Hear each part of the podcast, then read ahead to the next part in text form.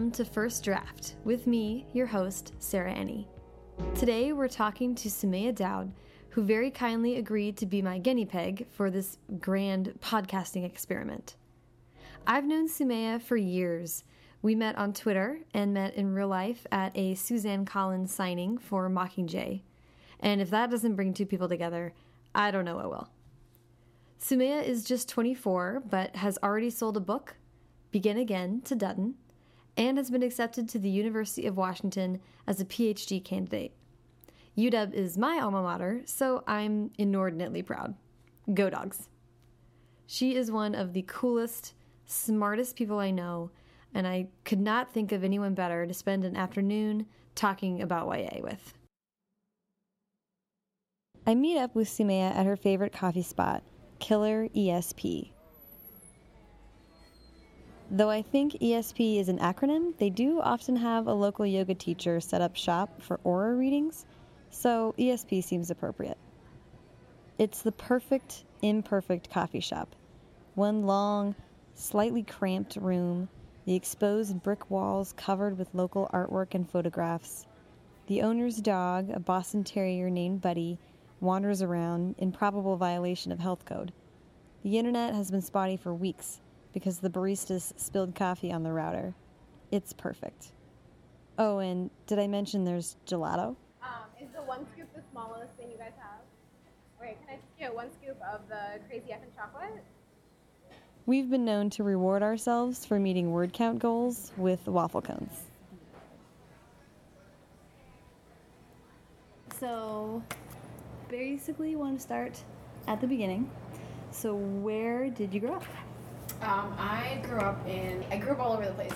So I was born in Cincinnati and I stayed, I was there until I was like five. And then I spent a year in Khartoum in Sudan. Um, and then I was in Jersey for a little bit, for like a year, I think. And then after that, I was in DC. And when did you start writing? Um, the fourth grade was the first time that I wrote a collection of poetry, and it was all alliterative poetry. So you started with poetry. Yeah. Do you remember like excuse me, writing long stories or Yes. All through middle school I wrote really terrible Lord of the Rings fan fiction. Um, Amazing. It was super, super terrible. And then in high school I transitioned in, into anime fan fiction and then Star Wars fan fiction. And I didn't start writing my own shit until I think I was 17. Okay. That's when I started writing. And you were sort of like in the like fan fiction like community. You found like a community online. Oh no. Not really, no. Um, I wrote, so I wrote most of my fan fiction for my friends, Mhm. um, so they read it. And then Star Wars fan fiction, I kind of, I posted it to some archives. If you wrote fan fiction, you know what those archives are. um, and no, you cannot find me. Um, but not, I didn't really connect with, I connected with one writer when I was in high school. Um, but I didn't really find like a real community of writers until I was in college and I joined Absolute Write. That was like the first time that I'd had like a stable group of people to share things with. Yeah. And and was it always YA? Yeah, I think so. Um, I think my yeah, I think the Lord of the Rings fanfic was YA too. Weirdly enough. um, yeah, I think yeah, it was always. But the the first thing that I, the very first original project that I wrote, that I tried to write was adult sci-fi, but going back to look, because I still have it. Going back and looking at it, I know that it had a lot of the, the like the tone, the tonality of YA that I really like. So like the coming of age and Yeah. like really grappling with like questions of selfhood and that kind of stuff. Right. Right. Yeah, wow. so- It's funny how early Yeah. how early on that sort of it's like a sensibility Right. more than it is a choice, I think. Yeah, it's kind of like a gravitation towards like particular kinds of stories, and I think that like most genres are really dealing with that like questions of who you are and what you're going to become and like different kinds of choices. But I think that those resonate most strongly in young adult fiction. Mhm. Um, so it was kind of like a natural. sorry, it was like a natural path for me to take. Yeah. Yeah. Um, that makes sense. And have you always written? I mean, it kind of sounds like it even always started with genre, so it's always been genre. I've always liked genre. I think um, there, there have been a couple of short stories that have not been genre that I've written, and I haven't written a long story. I mean, a short story in a very long time.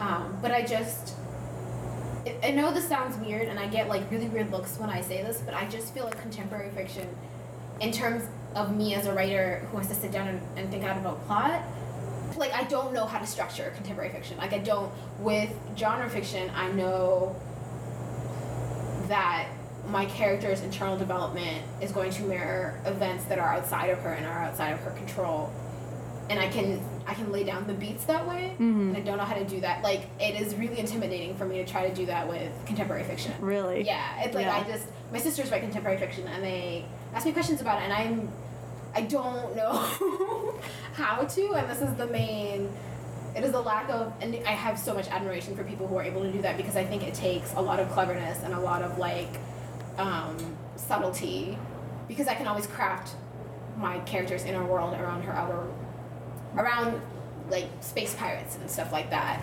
Um, and I think it takes a lot more delicate hand to do that with contemporary fiction.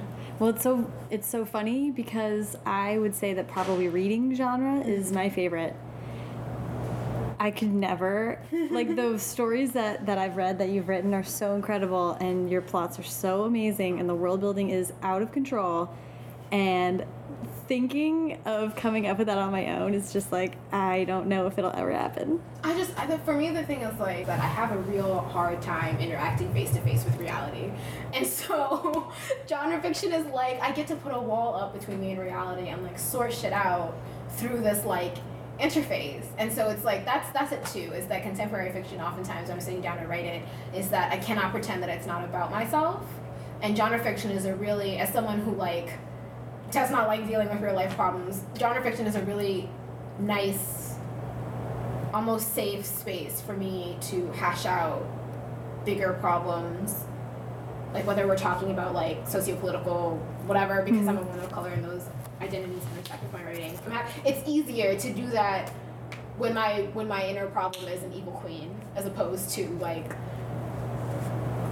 well i move across the country for such and such reason Right. kind of thing Right. Speaking through metaphor, it's no less speaking truth, right but it's you can move the players around and feel like right sort maybe almost easier to experiment with Yes. like i think that's a good example of like should i move or should i not you can think about one character Right. as representing making that choice Right. and one character not making that choice Right. and then let those things just play out Right, exactly. And like not to say that my writing is like autobiographical, but like the, the amount of times that I have written something, come back to it a couple of years later, and recognize the ways that it echoes with whatever stuff I was dealing with at the time is really alarming sometimes. It's really alarming where I've been like, oh yes, I see why this was so important for me to write at this point in my life because writing is so much about your interiority or like getting your interiority out onto the page and you can't just throw it out onto the page you have to deal with it I I find the same thing, and Yeah. it's funny how since you also since you write over such a long period of time, right that I found books that I read like wrote two years ago. It's it's meant one thing when I started it, Right. And then when it gets to third or fourth or fifth draft, Right. You're like, I'm dealing with the same things because I'm the same person, but this is sort of representing a different situation in my life. Right. Or actually, in this version, I feel like I want to tone something down because it's changed or Right. whatever.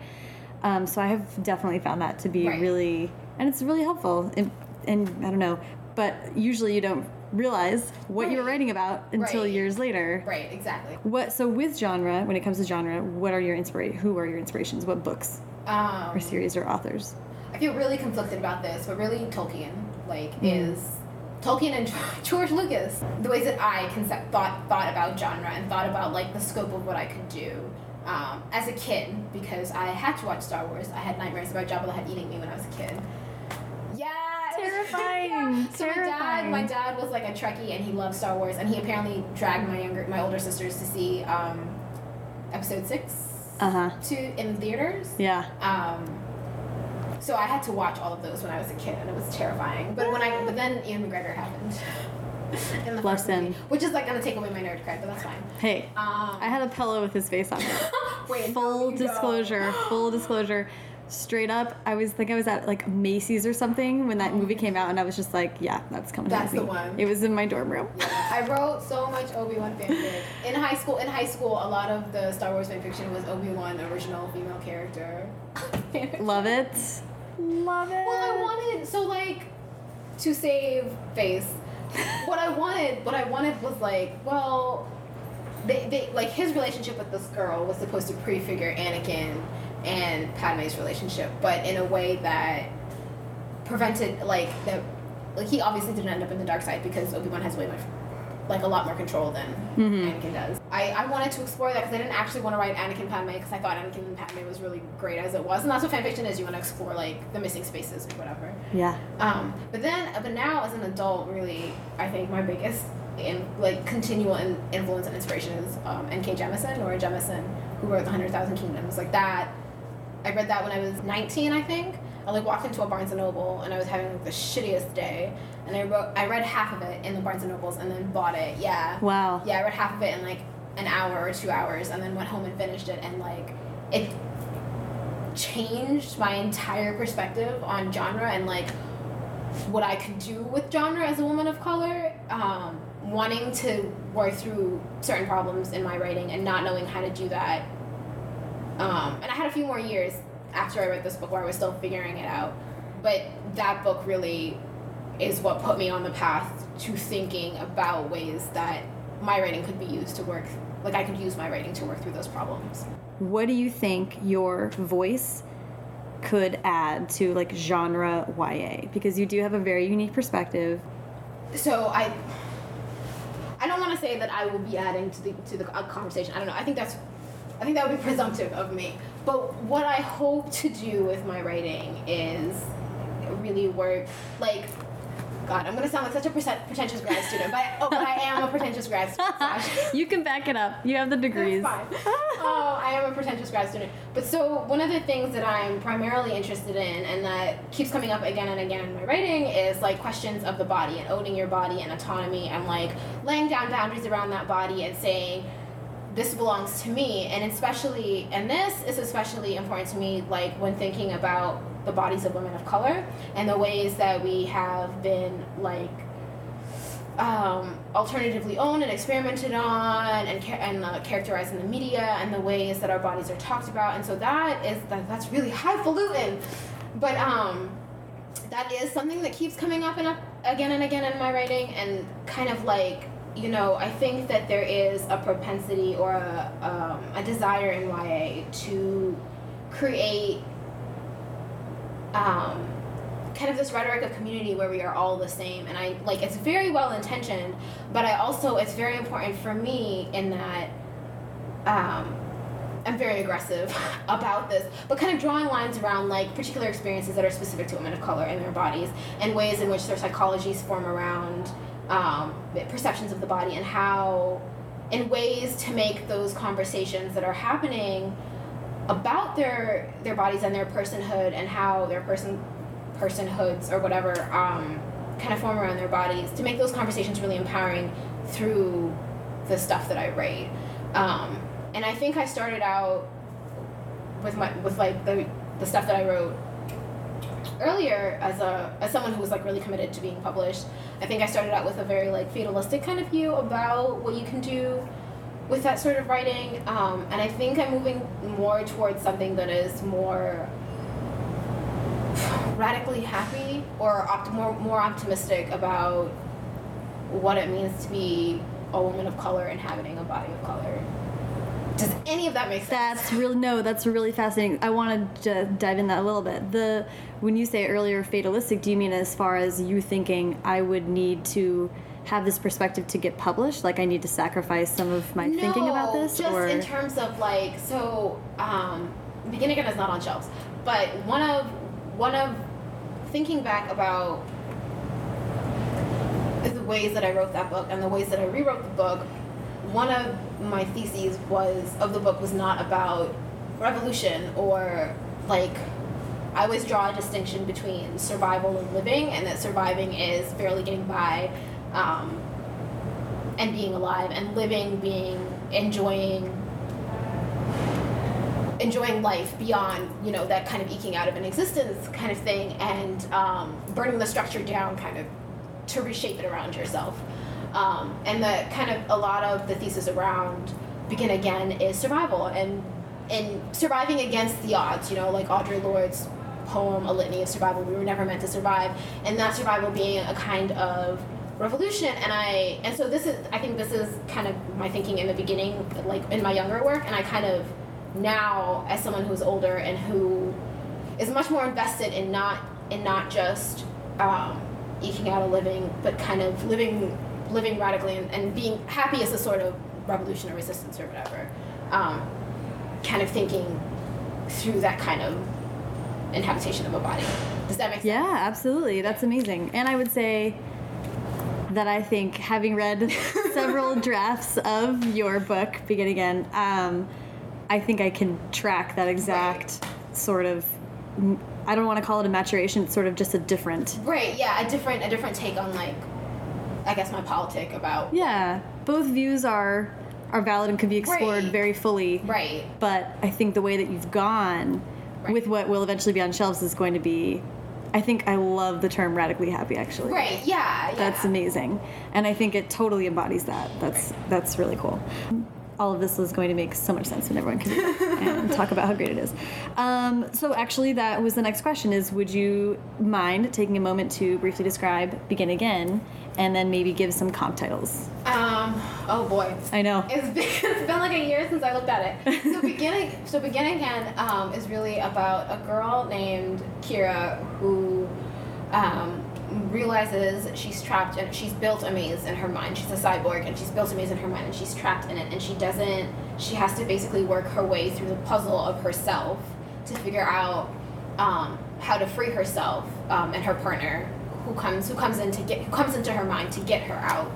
James, um, and is really in its current form. It might change, but in its current form is really exploring what it means to be a self. That's not, I like catch myself in like these weird phrases where I'm like, that's so. Does that actually mean something? but it's, it's really about her kind of coming face to face with the fact that she that she she is a cyborg. She has part like there are human parts in her, but is that enough? Are are the few human parts in her enough to cancel out the machine almost? Right. Is Yeah. choosing to be human. Right. Is that what makes you human? Right. Are these relationships that she's formed are they tangible? Are they enough? Do they do they matter in the scope of her machineness? Right. Kind of Right. Um, Man, people are gonna hear this interview and they're gonna read the book and they're gonna be like, "Wow, Samay, you totally missed the mark." This is like this is No. literally my fear every time. I, as someone who has read the book, I feel like it's only adding to my love and appreciation for it. And comp titles? Oh, um, to, like tonally, I think, um, like I wanted it to be the kind of. I didn't realize this until after I had seen Blade Runner, but I really, I really like the vibe, very like, kind of quiet, slow, like thought about, like life and bodies and and you know, the right to life. Kind of like I, I think I think maybe we are tackling the same questions, and if we are not, I at least very much like the slow, kind of Right. chill. The fact that it uses, it's still taking place in a very fantastical, Right.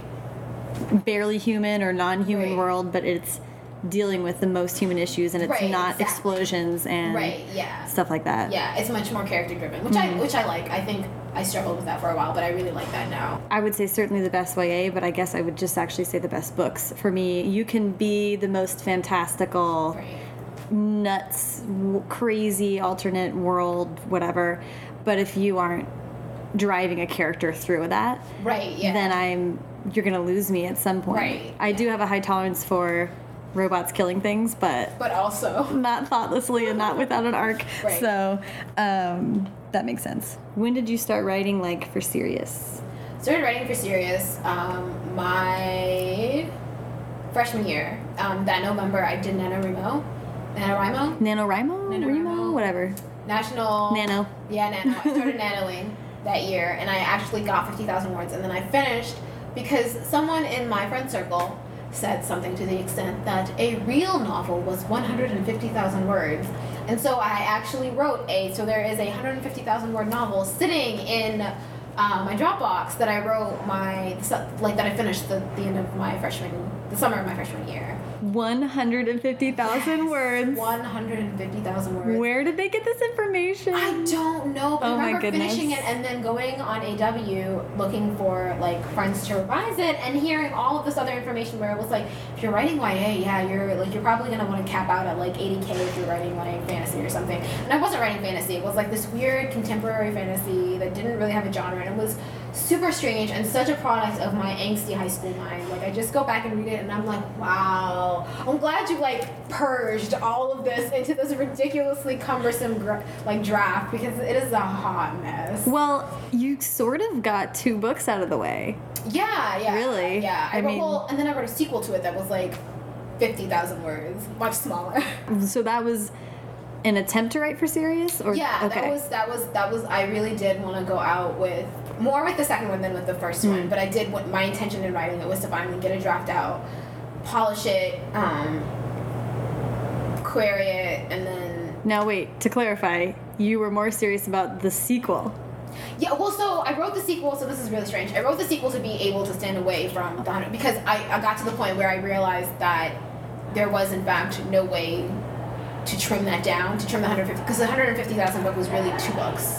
Um, like there was a very there was like a very clear divide where it should have been two books. Right. Right. Um, and I knew that there was no way that I was gonna be able to get that I was gonna be able to trim it down or get it published or anything. And so Right. the, the third book really stood alone and was um, a sequel that like if you that if that if I had ever gotten the chance to publish it, and then Joan still asks me about sometimes. Joan is my agent, and she so she. That's what for the the third one is what first caught her eye. She saw a clip. She she read a snippet of it on my blog, and she will like bring it up every now and then. Am I ever gonna? No, you're never gonna see that. no. so that's how your relationship with your agent Yeah. was that um was she one of the only agents that you had like sort of an ongoing communication with? She was the only agent that I had an ongoing communication with. She she saw my writing when it was super young and really terrible, and and saw something in it, um, and asked me to query her. And I told her that I wanted to really polish up my writing. And then in the process of polishing this up, realized that I didn't want to fix it. I didn't. I just didn't think. I thought it was. It's, it was. It's a very strange book. Like as someone who is like in the industry now and knows about Categorizing. Right, and- yeah, all this other stuff. It's yeah. very it's very weird and there's which is very strange for me, there's like no kissing in the book.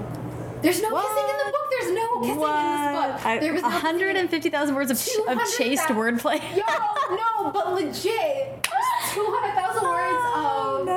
She's really young to the time that she's like 18, and there's this ongoing flirtation with this. Like she grows up, and this guy is much, much older. Like they're all they're all immortal beings. Oh, Like, can you see the mhm. product of like Uh-huh. Yeah, so they're all immortal beings, and so she's growing up as this guy who's much older than her is watching her grow.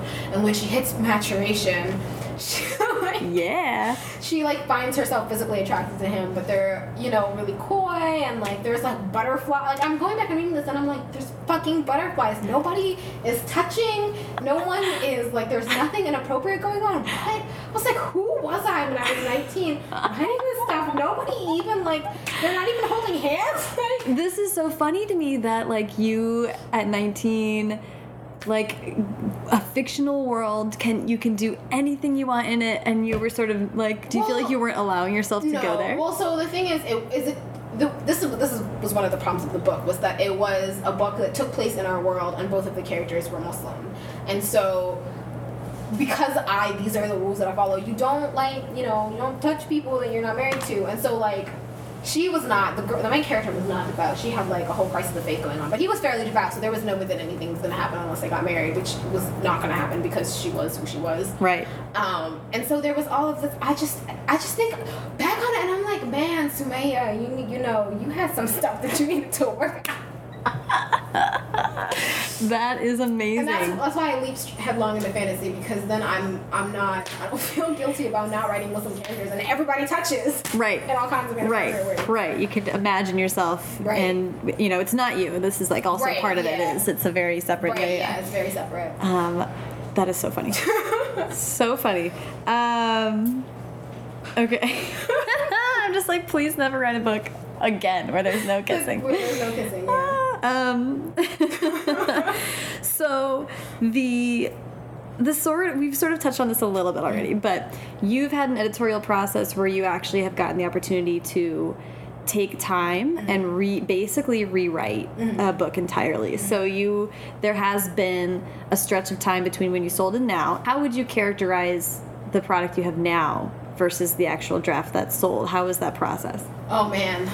Um, so there was a year between when um, when I sold the book and when I finally sat down to rewrite it with like um, with Julie's guidance, um, and I very very strangely find myself really really grateful for the gap year because I I don't know really know what happened. Maybe my master's thesis happened, but I That did happen. yeah, I mean that did that did happen, but just kind of in shaping the way that I thought about these characters because um, my research often infects whatever it is that I'm writing, and so when I wrote the first draft, I was dealing with we were we were I took this class with one of my professors that was about um, utopias and how the city like the physical shape of the city shapes these utopias and how it really informs that. And so that you can see that a lot in the draft that julie bought. And i'm really grateful that she bought it because i went back to read it and i was like wow they're wow and then i took um, a class with my thesis advisor when i was a master's student i was starting to formulate a master's thesis about um, a thousand and one nights and really just like thinking through about the stuff and i was also taking a theory class where i read I read this terrible thing, which I know that some people really love, but the Donna Haraway's Cyborg Manifesto, which was like a slap in the face. Reading this was like a slap in the face because it it legitimately it was this woman, this white woman taking all of these theories of like these ideas about feminism and the body that women of color had written and kind of trying to assimilate them into a universalist perspective, which you can't do at all ever. You can't do that. But specifically with the stuff that she was doing that was like really, really deeply tied to race. Um, and so I read this. I was reading this and being really furious about it. So the manifesto is basically um, talking about how you, how you can use the theory of the cyborg as a body and as a as a source of labor to talk about different kinds of feminisms that can liberate women, especially because she wrote it during a time when there was like the rise of the tech economy and all this other stuff. But the way that she did this was by taking other theories, um, specifically like the thing that was most offensive to me was she took Audre Lorde's um, Sister Outsider, which was really about how black women are on the outs, like they're on the peripheries, they're sources of labor, but they're on the they're on the they're on literally on the margins of society, you know. Um, and I, I try attempt, attempted to use that to create a feminism that included white women. Thinking through those kind of questions of what a cyborg body could mean, or th- thinking through a cyborg body could mean for a woman of color, really informed how I went back and rewrote Begin Again because Kira is a woman of color and she is a cyborg, and so I had a chance to really literally think about what those kind of questions of labor and ownership and transformation would mean for a girl um, who had to create her own community because she had been separated from her family. Um, and really create and really use that community as a source of power for herself and a source of happiness against or not against but in spite of every other force out there telling her that she shouldn't or she couldn't or that there was really no point Well, and actually, that leads into something else that I just wanted to get to a little bit, which is how your academic life has informed your writing life and vice versa. I mean, you definitely went into a very specific example there, but how do you think generally those two things have interacted? um, it keeps me on my toes one of one of the really selfish terrible reasons. Not i mean not selfish terrible reasons but one of the reasons that i was really anxious about not getting into a phd program was that i was afraid that i would stop thinking which is like not true but also i think being challenged to ask certain questions and do research and really like especially in an environment like uh, the program I'm in is not overwhelmingly white, but just in an academy that is overwhelmingly white and asking very white centric questions, being forced to challenge that or being put in a position where I can challenge that is really helpful in informing and making me think about ways that I can challenge these questions through my writing. Would you mind telling us what your PhD dissertation is going to be based around? Well, so it's going to be based around A Thousand and One Nights and genre formation, and really how um, Europe kind of uh, picked up A Thousand and One Nights, pulled it into itself, and then kind of tried to de- delegitimize it. And this is really like this is really the problem that we're facing right now, where people are talking about like literary canon and real literature and stuff like that, and like how like genre fiction is not really like substantial literature and is not part of the canon. And really, these problems start like the late 17th, early 18th century, where like fairy tales and fantasy and the romance and romance in in the sense is like fantasy get delegitimized and get kind of like they're not accurate. They're not accurate reflections of people or history, and there's a real move towards the novel. Um, and really, my stake in what I'm hoping to do in my dissertation is talk about kind of like a historical kind of trajectory of this kind of delegitimization and what that means for literature. I'm kind of trying to reclaim the really because I just you know I don't like reading about dead white dudes and it's so much more interesting like nobody's read Zofloya which is written by a white woman but I will go on about this book until the day that I die because it is a hot mess and the girl gets dragged off to hell literally in the last 10 pages and it is there are a lot of problems with it but it, it is also a book that literally gives no fucks and it's marvelous it's so great I'm, Amazing. I don't like I know it sounds like I take my writing really seriously, but I also love affectionately referring to my writing as trash. Like, I want to appeal to the lowest common denominator because those are the people that's most of the population. Most of the population does not want to read your 500 page reflection on pastoral life in Midwestern America. Uh, Most of the population works yeah. 80 hours a week and wants to come home and read about robots killing each other. I am a novelist, and I don't want to read your novel about pastoral life in Midwestern America. I certainly do not. I really do not. I really, really don't. I really would I much truly don't. I would much prefer like when I like literally I yesterday I went online and was like, can I please get some recommendations for the trashiest fic that you can get? I need no stress. I need no stress. I need to not be confronted with this 58 year old dude's like moral dilemma about infidelity. I feel like most people who take literature seriously, Mm-hmm. which I would say we both do, um, even though we're saying we want to, we take trash seriously. I think yeah, trash is important. Trash Yeah. is really like trash because I don't think it's trash. I think the the like people who want to be the designators of taste have designated it as trash because most people enjoy it. Right. And they want to be above, and that's Right. inherently. Um, I definitely would say that, like, the greatest thing that YA has given me is that I left undergrad and just didn't have the concept that it was okay to not like Philip Roth. Like, I really didn't think about it. It was just there, it was what people read, it was XYZ, and YA was the thing that just, like, opened the door. Mm-hmm. And you can enjoy reading you can read things that are of very real consequence mm-hmm. and you can still have a good time doing it. Mm-hmm. And it can be reliant on plot and it can be you know you can um, yeah go ahead Oh no! Well, I, well, so the weird thing you are looking at someone that is getting her PhD in English literature and did not actually take a Shakespeare class in her undergrad. Legit. ba, ba, ba. Ba, ba, ba. how did this happen Um, I like really avoided taking a Shakespeare class in undergrad because, and I'm really glad that I didn't because the guy that taught the Shakespeare class was a Miltonist, and that just would not have been on. Um, that would not have been enjoyable for me at all.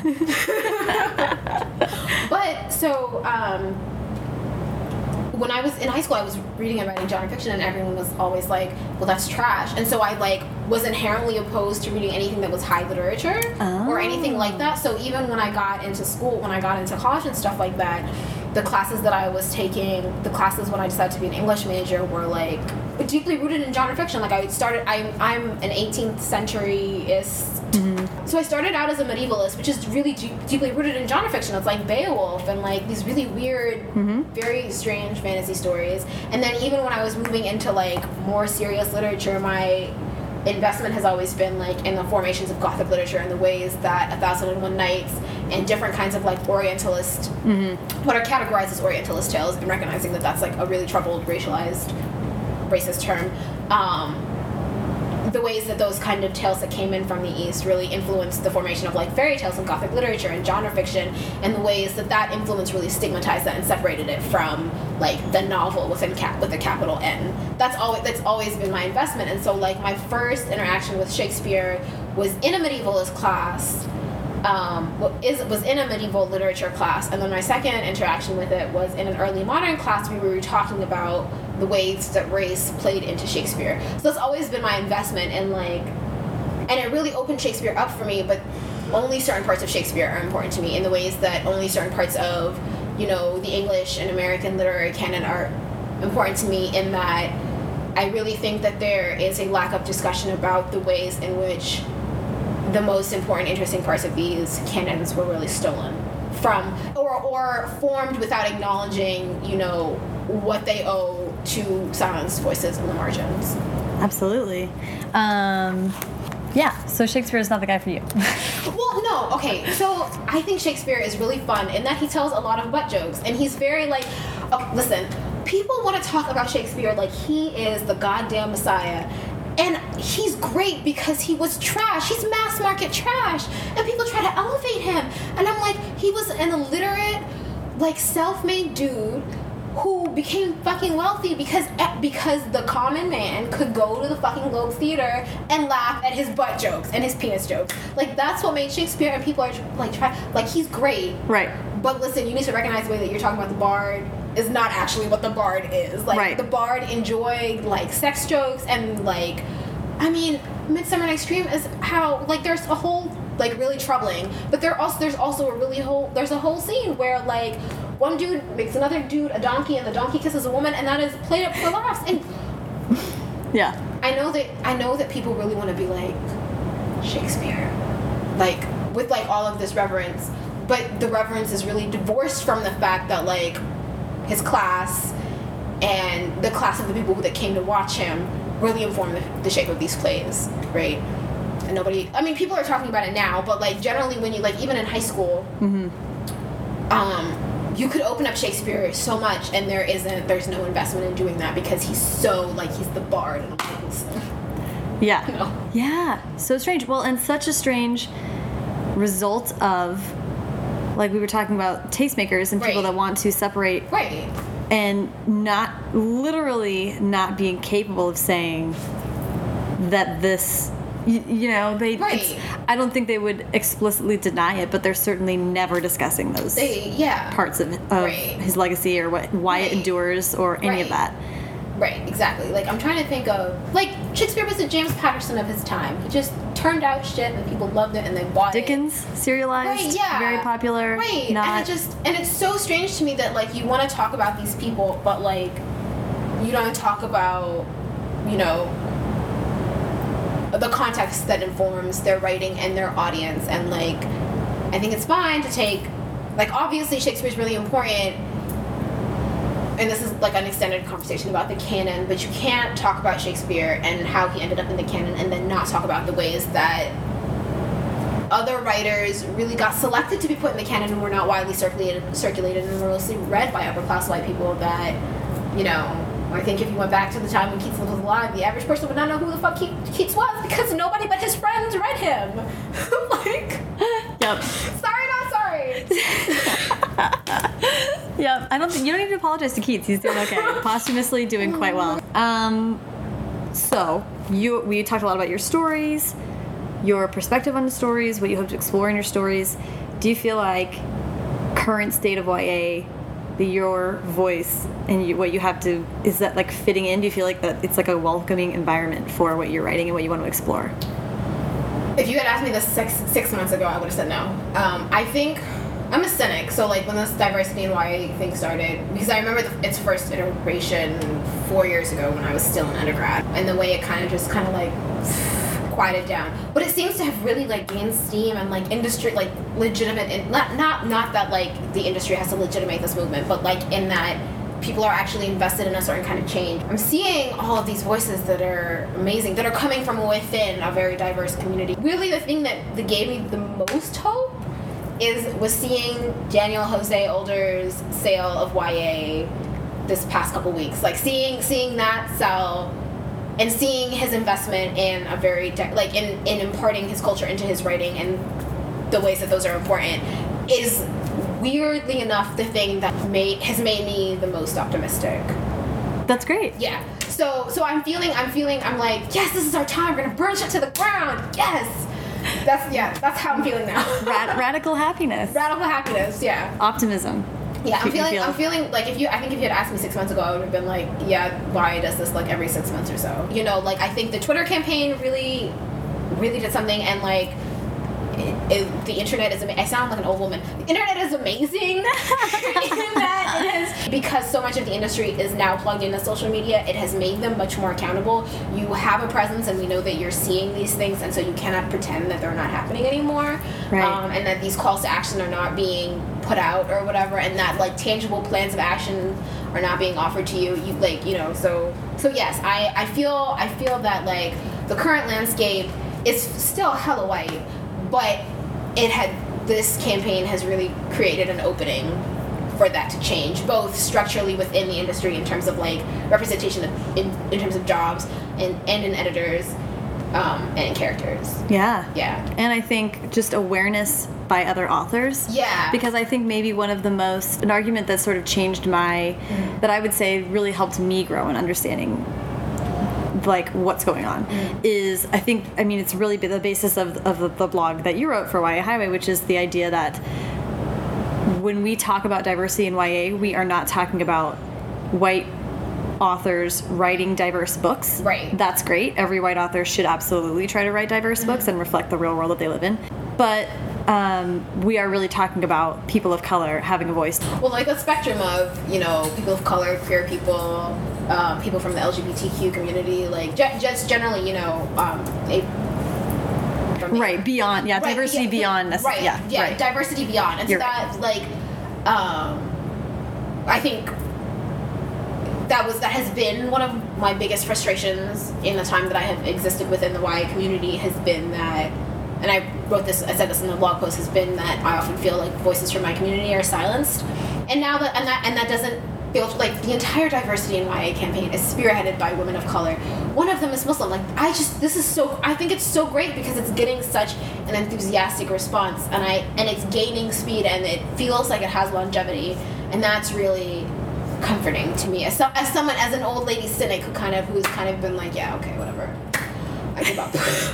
I'm tired. I'm old and I'm tired. I don't want to do it anymore. As someone who like that was generally my outlook. This is really. I mean, this is really. I'm like kudos to those ladies. It's amazing. They're yeah amazing. they are incredible um, yeah there's gonna be like a conference There's gonna be a conference in DC. When I saw that, I was like, wow. yeah And then, and this is, I think, this is the thing that like the movement has been lacking for such a long time is the movement in quotes is that we don't we the communities that have been pushing for this stuff have not had the resources to put in action these these kinds of plans that ensure visibility and content and like longevity but like those kind of plans are really important. And so I'm, I'm really excited to see like what happens and how it takes shape I wrote here, you are young and hella smart. Tell us about your PhD, but you already did that. Check.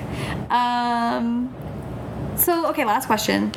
Um, I think I think in this series I'm going to talk about personal stuff I'm going through and just the fact that I'm going through changes and almost sort of a YA type of change. It's like 10 years after I departed for college, and now I'm like, let's do a little road trip and find myself a little bit. Um, you are also facing yeah a big change in your life, moving not only away from your your mom and your family for the first time, but all the way across the country. yeah What are you thinking about with that? Oh, I am not thinking about that. Are you writing a book about it? oh man. Maybe. um, well, I think you could. I think I think the book that I'm writing now is more reflective of like emotional struggles that I had like earlier in the year that I'm like finally coming out from under, which is re- it's really nice to like be like viscerally happy and like recognize that happiness, um, which is not something that I was feeling for a few months. Um, I'm not thinking about moving across the country. God, I think I think I'll be fine, but I've also like never been more than like an hour away from my mom. So, well, my my sister is coming with me, um, so that that's definitely taking some of the pressure off, and then I don't feel like I'm leaving my entire life behind. Um, yeah, I don't know. I'm kind of like I'm one of those people that like I won't think about it until it's like two weeks out, and I'm like, shit, I'm shit.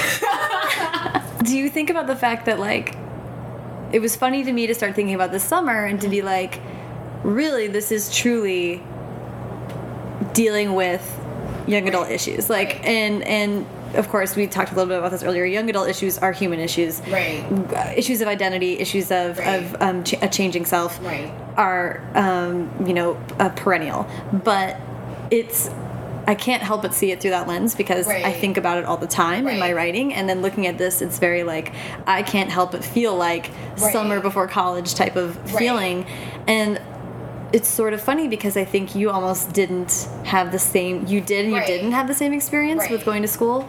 So, have you thought about it through that lens of like, kind of? Yeah, I'm like, well, so the weird thing with, about me is that I hate most people. so I'm like not think I'm like mostly I'm concerned will I find anyone that I like. Um, my sister and the thing the thing the trap that I fall into is that so my sister is coming with me so I'm basically I'm, I guarantee what's gonna happen is like the first six months that I'm there I'm gonna be like I don't need friends whatever I'm fine I got I have my laptop I have my friends online uh, me and Sarah are gonna communicate over the via the internet Right. my sister is gonna be here and she's an extrovert so I'm gonna all of my energy is gonna go into keeping up with her Well, I sort of feel like we will catch up with you when you're in Seattle. Yay! Oh my god, it's exciting. On the other end of your road trip On the other end, on the on the other side.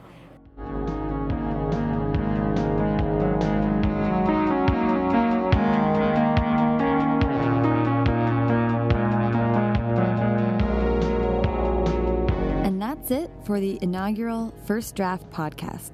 Thanks to Sumayyah Daud. You can follow Sumayyah on Twitter at Sumayyah Daud, and you can follow First Draft at First Draft Pod, and me at Sarah Ennie. Don't forget to check out firstdraftpod.com and like and rate the podcast on iTunes. Thanks for listening and see you soon.